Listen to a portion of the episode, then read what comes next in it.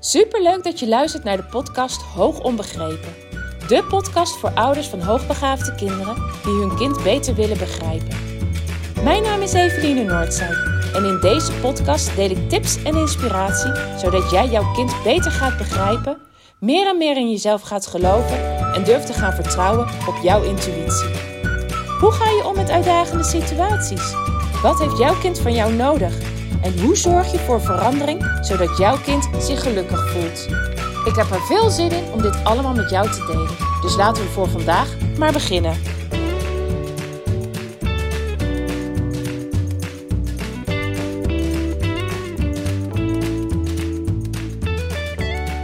Hey, leuk dat je weer luistert. Podcast 171 alweer. En ik luisterde net uh, zelf een andere podcast tijdens mijn rondje wandelen. En laat ik daar eventjes nog op ingaan. Je zou me vaker horen zeggen dat ik uh, lekker aan het wandelen ben. En waarom ik dat toch steeds benadruk, is omdat het voor mij echt zo ontzettend belangrijk is en zo ontzettend waardevol is dat ik elke ochtend probeer tijd voor mezelf vrij te maken. Dat is iets waarin het in het verleden echt mis is gegaan. Dat ik mezelf wegcijferde, niet belangrijk genoeg vond om tijd voor mezelf te maken. Ik was altijd maar bezig met anderen, het zorgen voor anderen, uh, de mening van anderen.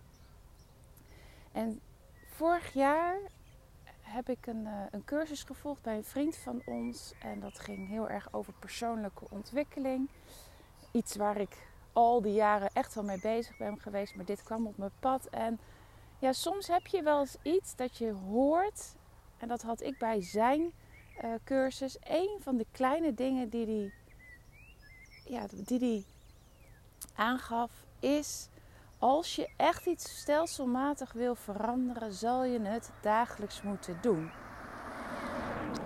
En al heel lang had ik de wens om beter voor mezelf te zorgen.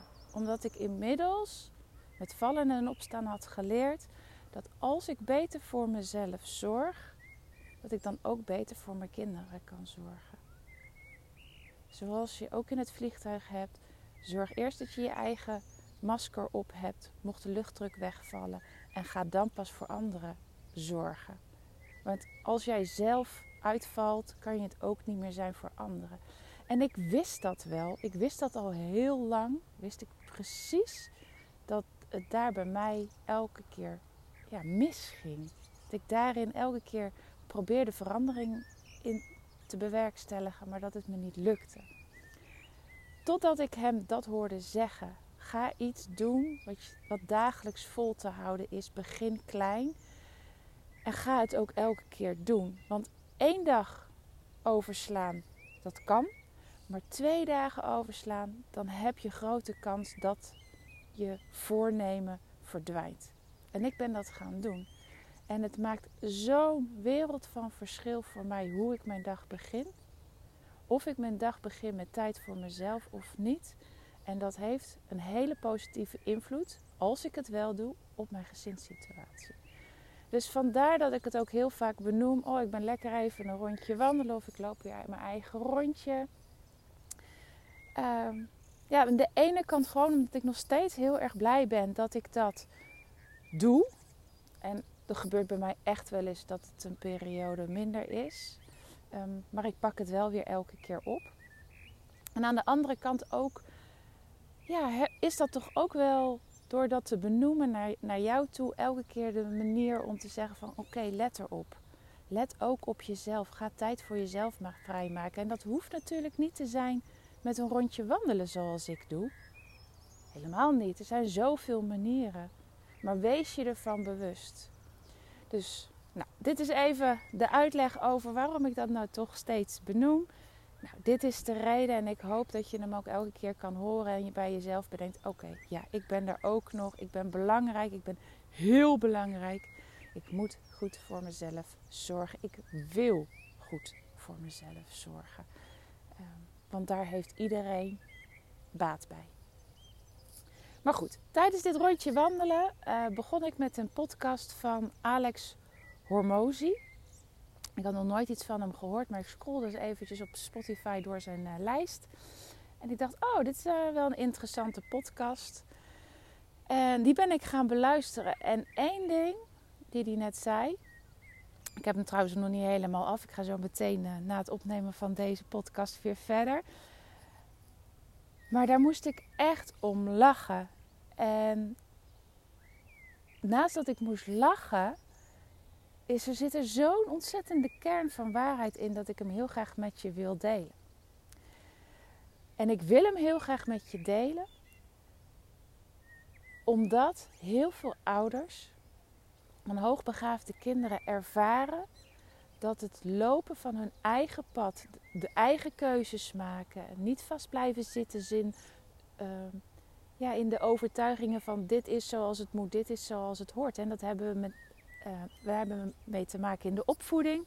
Je zal een hoogbegaafd kind toch net even anders uh, willen opvoeden dan andere kinderen, dan andere ouders doen, dan zoals je misschien zelf bent opgevoed, omdat je daarmee er, gaat ervaren dat je veel minder strijd, um, ja, veel minder strijd hebt met je kind. En het ook ten aanzien van school. Soms zal je keuzes moeten maken, keuzes waar je, ja, waar je voorheen niet zo aan gedacht hebt, niet zo mee bezig bent geweest, of juist misschien wel een oordeel op had zitten van ik ga mijn kind toch niet naar een andere school doen, want dan hou ik ze uit zijn vertrouwde omgeving. En dat kan niet, dat is schadelijk voor het kind, enzovoort, enzovoort. Dus je wordt als ouder van een hoogbegaafd kind heel erg geconfronteerd met dat je dingen moet loslaten. En dat je ook daarbij de mening van anderen moet loslaten. Ik heb dat in ieder geval ervaren. Nee, daar ga ik zo meteen met je op verder. Dat, mijn eigen stukje komt zo. Ik ga je eerst delen wat die Alex Hormozy zei. Hij zei: Als jij straks dood bent, na twee weken heeft bijna niemand het meer over je. Na zes maanden niemand meer. Nou, ik dacht, een beetje genuanceerd, denk ik dat je belangrijkste familieleden echt dan nog wel het over je hebben. En ehm, hè, uh, je herinneren. Dus zo zwart-wit zou ik het niet willen stellen. Maar dit zijn even zijn woorden. Dus na twee weken heeft bijna niemand het meer over je na je dood. En na zes maanden heeft niemand het meer over je na je dood. Dus waarom zou jij gedurende je hele leven bezig zijn met de mening van anderen als jij zo snel na je dood vergeten zou zijn? En ik weet niet of deze bij jou binnenkomt, maar bij mij kwam die wel heel erg binnen en ik had echt een big smile op mijn gezicht. Want ik dacht, ja, dit is, dit is zo to the point. Dit, zo, dit raakt zo um, de kern. En we zijn zo met z'n allen bezig om het goed te doen voor anderen. Omdat andere mensen een mening over je hebben. Je maakt misschien wel bepaalde keuzes niet. Je uh, durft bepaalde stappen niet te zetten omdat je bang bent voor de mening van anderen. En dat allemaal, terwijl als jij straks er niet meer bent, er niet meer zo aan jou gedacht gaat worden. Men niet meer met jou bezig zal zijn. Waarom zou je dan je leven nu zo ontzettend laten leiden door de mening van anderen? En ik dacht, ik wil dit heel graag met je delen. Omdat ik uit eigen ervaring weet hoe moeilijk het is als je hoogbegaafde kinderen moet opvoeden om je eigen pad te volgen. Om te zorgen dat je, de, dat je je eigen keuzes maakt, ongeacht de mening van een ander. En ik heb dat ook heel sterk ervaren. En ik heb lange tijd mijn oren laten hangen naar de mening van anderen. Wat zullen ze wel niet van me denken als ik deze keuze maak? Wat als ik ervoor uitkom dat ik denk dat mijn kinderen hoogbegaafd zijn? Wat, wat vindt men daar dan van? Wat is hun mening? Denken ze dan dat ik hoog van de toren blaas? Denk, denken ze dan dat ik uh, arrogant ben? Wil ik dan dat mijn kinderen zoveel beter zijn dan andere kinderen? En ik, daarmee heb ik mijn kinderen, mijn gezinssituatie, maar ook mezelf echt enorm tekort gedaan. Door maar bezig te blijven met binnen de, binnen de lijntjes te lopen van wat men fijn vindt dat je doet. En ik weet nog dat toen ik voor het eerst ging communiceren, dat ik dacht dat onze kinderen hoogbegaafd waren, dat er mensen in mijn omgeving zeiden: Ah, dat zal toch wel meevallen? Ah, dat zal toch wel niet? Joh, het is alleen maar een beetje een voorsprong op rekenen en taal. Ja, dat gebeurt wel bij meer kinderen. En dat heeft mij heel erg uit evenwicht gebracht. En dit is slechts één voorbeeld. Hè. Er zijn nog tal van voorbeelden. En pas toen ik kon los gaan laten, echt kon loslaten wat de mening van een ander is, kon ik mijn eigen pad gaan volgen. En dat pad heeft ertoe geleid dat we de keuzes hebben gemaakt om een reizend bestaan met onze kinderen te gaan organiseren, te gaan leven. En uh, onze kinderen zelf onderwijs te gaan geven. En dat is, heb ik alleen maar, uh, dat heb ik natuurlijk niet alleen gedaan, maar ik ben wel de grootste aanstichter daarvan, zou ik maar zeggen. Uh, dat hebben we alleen maar zo kunnen gaan doen door de mening van anderen naast ons neer te leggen. Want ook toen waren er heel veel meningen. En die zijn er nog steeds. Oh, maar hoe school jij je kinderen dan? En krijgen ze wel voldoende rekenen mee? En krijgen ze wel voldoende taal mee? En uh, oh, uh, jouw kind is al uh, 6 plus, kan nog steeds niet lezen. Hoe ga je dat dan zorgen dat het snel op orde komt? Nee, niet. Laat me los. Ik heb het grootste vertrouwen in mijn kinderen dat het vanzelf komt en ik loop daar mijn eigen pad in. Dus ik word nog steeds geconfronteerd met de mening van anderen, met dat men iets vindt. En het is niet makkelijk en nog steeds. Goedemorgen. En nog steeds um, zijn er momenten dat ik echt mijn best moet doen om niet uit balans te raken. En ik raak er echt nog wel eens vanuit balans. Um, als ik zulke opmerkingen hoor. Maar om, zo snel mogelijk weer in balans te komen en achter mijn eigen keuzes te blijven staan. Door de mening van anderen naast me neer te leggen. En dat kan ik heel goed. Door elke keer te denken: het feit dat jij je mening hebt, zegt iets over jou zegt over hoe jij naar de wereld kijkt, hoe jij vindt dat een leven geleid moet worden, maar zegt niet veel over mij, zegt niet veel over de keuzes die wij als gezin maken.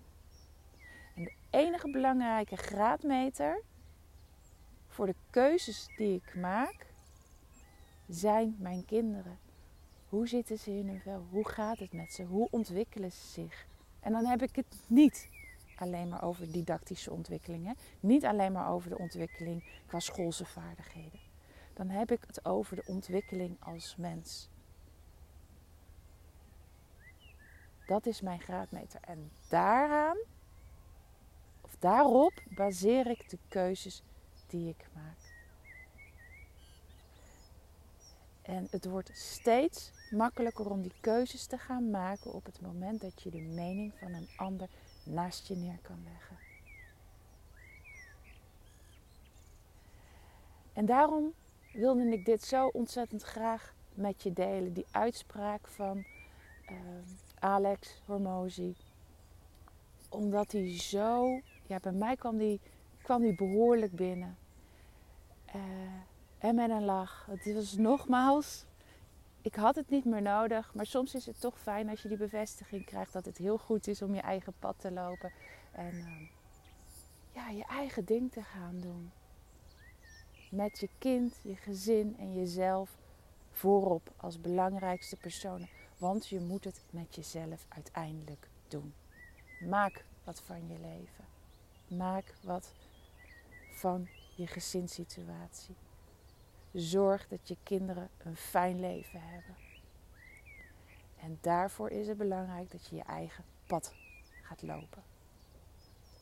Voordat ik nog 4000 keer in dezelfde herhaling valt, ik denk dat je de boodschap prima hebt begrepen. Um, dankjewel voor het luisteren. En ik wil je op het einde nog heel even iets vragen. Ik kan zelf nog niet voldoende zien of het al gedaan is of niet. Of dat er al mensen uh, de podcast beoordeeld hebben. Maar als jij nu luistert en je luistert vaker naar deze podcast en je hebt een mening over, je vindt het fijn, je haalt er waarde uit, het is voor jou echt een stimulans, wil je dan alsjeblieft deze podcast beoordelen? Vind je het helemaal niks na tig keer een podcast te hebben beluisterd? Tuurlijk, het staat je vrij om deze podcast ook te beoordelen. Maar ik denk dat als je het niet zoveel vindt, dat je niet zo vaak luistert naar deze podcast. En ik uh, wilde laatst zelf een uh, podcast uh, beoordelen. En dat komt pas. Dat komt op dat moment niet omdat ik pas één aflevering heb beluisterd. Dus ik ga ervan uit dat als je deze podcast dus veelvuldig luistert, dat je er echt ook iets uithaalt, dat het voor jou waardevol is. Zou je dan ook alsjeblieft deze podcast willen gaan beoordelen? Dat kan binnen Spotify door bovenaan even op de sterren te klikken deze podcast het aantal sterren te geven dat je het waard vindt. Um, je helpt daarmee mij en je helpt daarmee andere ouders. Want door het beoordelen van deze podcast word ik makkelijker vindbaar op Spotify. En daardoor kan ik meer ouders bereiken en mijn ideeën, mijn visie uh, delen en jou uh, ja, ondersteunen in het proces in het proces dat je bewandelt wanneer, je, wanneer blijkt dat jouw kind hoogbegaafd is. Nou, fijn als je die beoordeling al hebt gegeven. Dank je wel daarvoor. Fijn als je het wil doen. Daar help je echt uh, andere ouders heel erg veel mee. En natuurlijk, mij help je daarmee. Nou, nogmaals bedankt voor het luisteren en ik spreek je weer. Doei doei!